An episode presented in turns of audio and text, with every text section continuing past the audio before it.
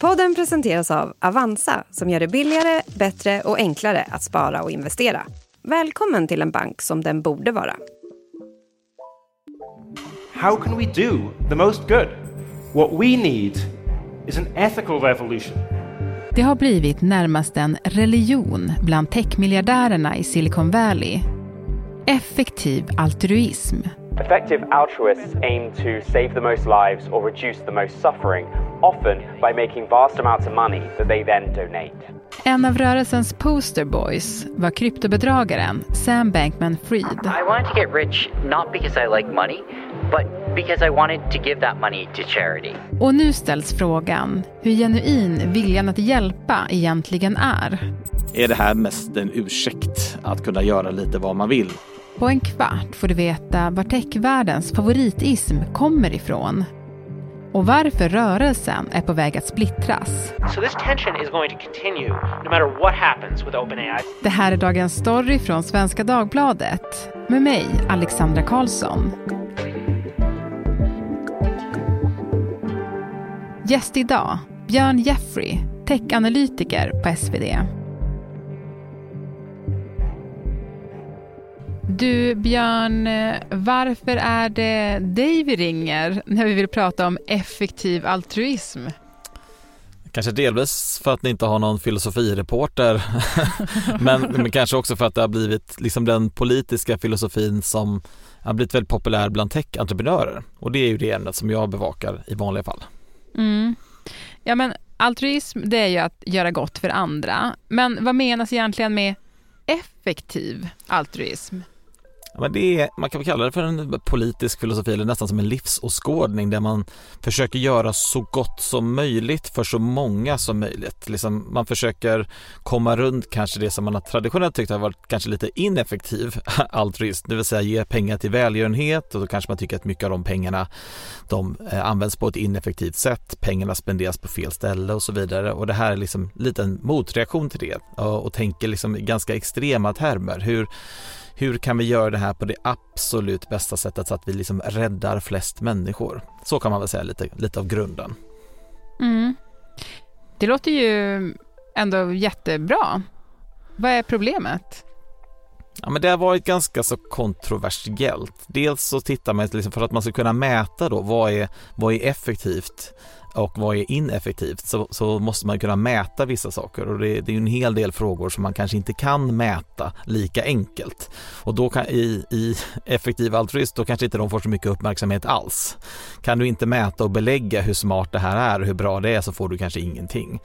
Det blir ganska få frågor således som man tittar på och det blir också lite, har varit, fått lite kritik för att vara lite så imperialistisk känsla. Här är en massa rika personer i väst som kommer in och säger de här problemen tänker vi lösa, inte de som ni vill ha löst utan de som vi tycker att vi ska lösa åt er. Så de har blivit lite kanske kritiserade på grund av det också. Mm. Jag tänkte vi skulle stanna i själva filosofin, eh, för det är en brittisk väldigt ung professor i filosofi som man brukar lyfta fram. William McCaskill, welcome to the Daily Show. Thanks so much. Han heter William McAskill. I'm a little different from a normal moral philosopher because I'm a little less head in the sky. Vad har han för roll i det här? Men han har blivit någon slags mittpunkt för den här rörelsen kan man säga. Will McCaskill skrev en bok som heter What We Owe the Future. Och, och i princip liksom så, så kan man säga att han, han, tycker liksom att framtidens människor också har ett värde, alltså de människorna som inte finns. Eh, och det i sin tur gör då att han, han tycker att man kan prioritera en typ av aktivitet som ligger kanske mycket längre fram. Vi behöver kanske inte rädda folk som är här och nu utan vi ska satsa på stora saker som ligger liksom längre fram och det var ju ganska kontroversiellt och det är liksom det som hans bok handlar om och det kan man väl säga liksom blev en sån startpunkt. Harm is harm no matter when it occurs. And just as we should care about people whether they're in this country or on the other side of the planet, no matter where they are in space. We should care about people no matter where they are in time as well. Han kommer också från liksom Oxford University från början men har också gjort liksom mycket turnéer runt på världens finuniversitet och liksom lockat till sig mycket uppmärksamhet från människor på alla möjliga olika ställen. A lot can happen in three years, like a chatbot may be your new best friend. But what won't change? Needing health insurance. United Healthcare Tri Term Medical Plans, underwritten by Golden Rule Insurance Company, offer flexible, budget friendly coverage that lasts nearly three years in some states. Learn more at uh1.com. Men du Björn, alltså, kan du ge ett exempel på något konkret som bygger på effektiv altruism? Ja, men ett exempel som har kommit upp har ju varit det här att man till exempel då ska satsa på grejer då som har den största effekten. Så i det här fallet kan man titta på vad, vad är det någonting som drabbar många människor, Det kan vara malaria till exempel eh, och då kanske det är viktigare liksom att egentligen satsa på myggnät. Det är liksom en ganska så kan säga, nästan en matematisk formel som ligger bakom. Liksom. Man kan tänka sig att det har många andra bekymmer förutom malaria som man skulle kunna titta på också. Men just de är liksom mest intresserade av det här är det mest effektiva sättet att nå de flesta människorna på bästa möjliga vis. Det gör att man ställer alltid aktiviteter mot varandra. Don't bother with fair trade goods. Instead of shelling out for that fair trade coffee, you do more good by buying a cheaper cup and donating the money you save to a cost effective charity. Och det duger liksom inte att försöka utan du måste ta reda på det som är absolut bäst. Mm. Ja men precis, för när jag gjorde lite research inför det här programmet eh, då lärde jag mig också att man som människa ska tänka så. Att till exempel om jag känner att jag vill hjälpa i världen, då kanske inte det bästa för mig är att åka och hjälpa i ett kanske flyktingläger någonstans, utan jag kanske då, om jag nu skulle vara jättesmart och jättebra på matte, eller jätte, skulle kunna bli en sån trader på börsen, så det är snarare det jag ska göra för att tjäna så mycket pengar och sen hjälpa. Och det är väl här som man kan börja förstå varför det är så populärt i Silicon Valley. Mm. för här har du liksom människor som dels extremt bra självförtroende, ofta väldigt mycket pengar och som tänker kanske då att de har lite dåligt samvete att jag kanske skulle åka och hjälpa till med någonting.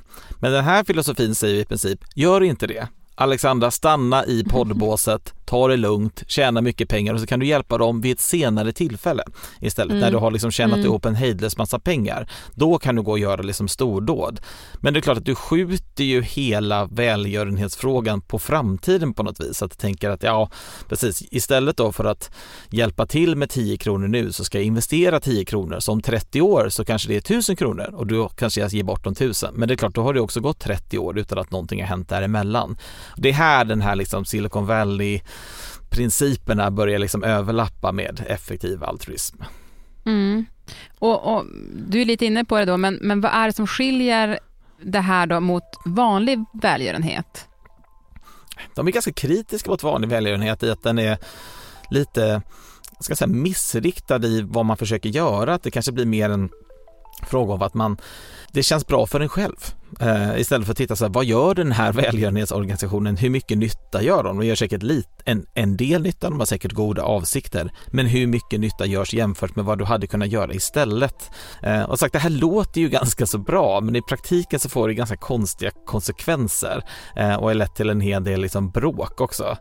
Till mm. exempel då i Silicon Valley-kontexten så har det varit en stor konflikt kring framtiden för AI. För där har liksom effektiva altruister bestämt sig för så här, det här är en existentiell risk, det vill säga AI skulle kunna liksom ta över och förstöra hela världen och så kan vi inte ha det. Så att de har liksom ställt sig väldigt tydligt på sidan och så här, den här AI-utvecklingen, den måste vi bromsa. Så det är liksom, de representerar en ganska stor del av det och det har inte blivit jättepopulärt i Silicon Valley som du kan gissa kanske. Okej, okay, men kan du bara, vad är liksom, vad är konflikten då mellan eh, effektiva altruister här då som tycker att AI-utvecklingen går för snabbt och de som är för AI. Men egentligen handlar det väldigt lite om vad vi pysslar med nu utan snarare hur det kommer bli sen. För det som den AI vi har nu kan man tycka är imponerande som privatperson men där händer det inte så här jättemycket. Utan de som är för AI-utvecklingen säger det här kanske kan skapa liksom vaccin mot cancerformer och därför måste vi accelerera utvecklingen. Det måste gå snabbare så att vi kommer till den punkten snabbare helt enkelt. Men då tycker de effektiva altruisterna å sin sida tycker tvärtom. Så här, risken är för stor. Det vore ju bra om vi hittade liksom cancervaccin och så vidare. Det vore toppen. Men risken att vi råkar liksom förgöra världen på vägen, den är så stor att vi kan inte ta den. Så därför måste vi lugna ner oss. Vi måste köra tvärtom. Inte för att de inte håller med om att det vore en bra idé, men de tycker att riskerna med att försöka hitta det, den är så stor att vi vågar inte köra på och därför måste vi egentligen ta det lugnt istället. Ja, men du Björn, om vi återgår till Silicon Valley då, vad finns det för exempel där? Ja, men ett stort namn som brukar komma upp är en som heter Dustin Moskowitz. Han är en av grundarna till Facebook. Han hör man inte så mycket om nu, han slutade ganska tidigt. Han har nu ett bolag som heter Asana, han är jättestor. En som har varit verkligen i hetluften liksom de senaste månaderna heter Helen Toner, för hon satt i OpenAIs styrelse. Jag vet inte om alla följde detta debacle när liksom OpenAIs vd blev utsparkad och så vidare. Det var i princip hon som orkestrerade det på grund av den här oron då för vad AI skulle ta vägen. Ehm, Elon Musk har väl inte sagt att han är effektiv altruist direkt, men han har sagt att det ligger närliggande till hans syn. Så han, liksom, han är åt det hållet och, och en del av hans planer av att man ska bygga kolonier på Mars är ju liksom att vi som mänsklighet har ett alternativ om jorden skulle liksom gå under på något vis. SpaceX, Tesla, Neuralink and Boring Company are philanthropy. Tesla is accelerating sustainable energy. SpaceX is trying to ensure the long-term survival of humanity with multi-planet species. This is en av Klarna-grundarna ursprungligen, Niklas Adalbert, som har det här norrsken nu. Han eh, är också en sån som tillskriver sig den här liksom filosofin. Och norrsken är ju liksom en slags accelerator, en slags vad ska man säga, investeringsplattform som hjälper bolag, men också så här, hur kan man göra mycket gott i världen? Och så det är, det, det är deras inriktning och hans personliga filosofi har jag sagt har varit nära effektiv altruism. Så det finns i Silicon Valley, men det finns även eh, betydligt närmare än så också. Den mest liksom spektakulära är ju då Sam Bankman-Fried. He's commonly known as SBF on social media. He's been previously hailed as a savior of the crypto industry. Den har vi faktiskt varit i denna podd och pratat om tidigare med den här kryptokungen som blev dömd och nu sitter i fängelse. Men han var ju kanske den, en av de absolut mest kända och prominenta effektiva altruisterna. I wanted to get rich not because I like money but because I wanted to give that money to charity. Mm. Hans fall har ju gjort att eh, effektiv altruism har ifrågasatts. Men för att förstå det så måste vi först förstå hur han använde sig av effektiv altruism när han byggde upp sin verksamhet. Kan du hjälpa oss, Björn? Ja, alltså FTX var ju en stor kryptobörs egentligen där du handlade, köpte och sålde liksom kryptovalutor. Men hans första finansiärer kom ifrån den här rörelsen. Utan hans, han letade ju själv efter någonting och det var så som han rekryterade in personer också för den delen att säga det här gör vi för att vi då ska tjäna så mycket pengar som möjligt och med de pengarna ska vi göra väldigt mycket gott. Det här var ju en man som var på omslaget till Forbes, som liksom han är någon slags supergeni och sådär och sen så kraschade det som det väldigt ofta gör. Eh, och så visade det sig, ja du har ju spenderat företagets pengar som om det vore dina egna och han blir dömd för bedrägeri och alla möjliga olika saker. Och det är klart att när man har då både fått liksom massa finansiering från effektiva altruister och så börjar man ju också fundera på vad är syftet med det här? Till vilka längder kan man gå liksom med den här typen av företag? Är det okej okay med bedrägeri eh, och tjäna hejdlös massa pengar genom det om ändå syftet vid något tillfälle är att ah, jag kommer ge tillbaka det till världen och, och, och, och rädda världen vid ett senare tillfälle. Så jag tror att de fick en ganska stor smäll på detta av, av hela den här grejen. Men hans fall, kommer det påverka rörelsen?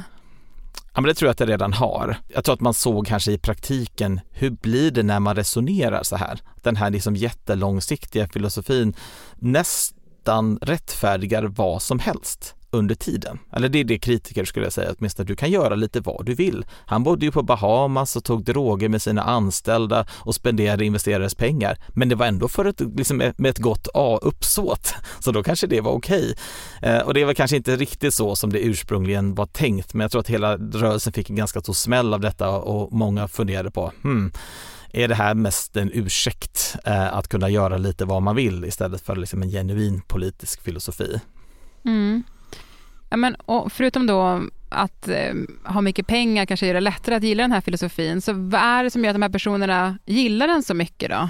Ja, det här är svårt att spekulera i egentligen, men jag, jag har ju bott i Silicon Valley i många år. Min känsla är ju det här är ganska likt, liksom, de är mycket libertarianismen.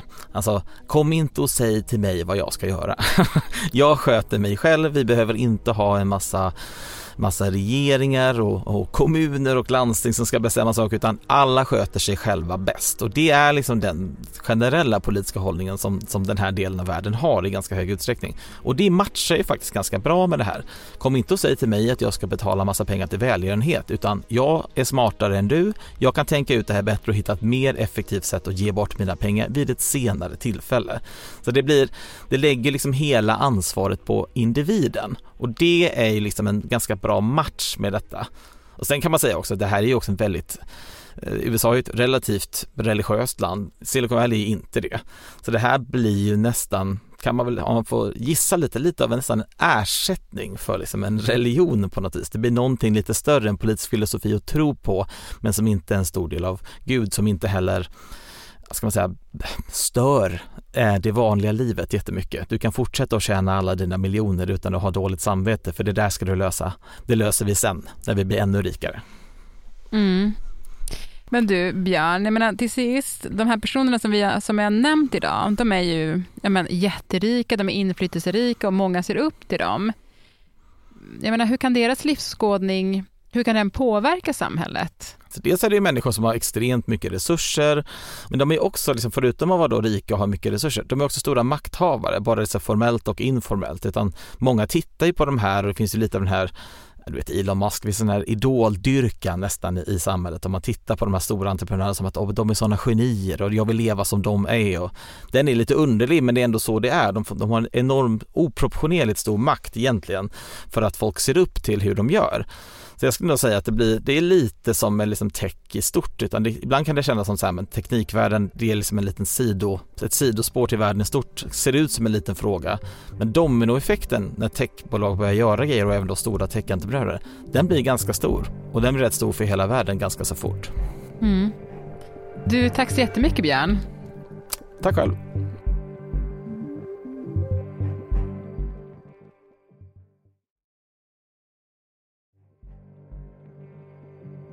Producent idag var Lukas Prisketto, redaktör Elin Romeliotto och ansvarig utgivare Elisa Irenius.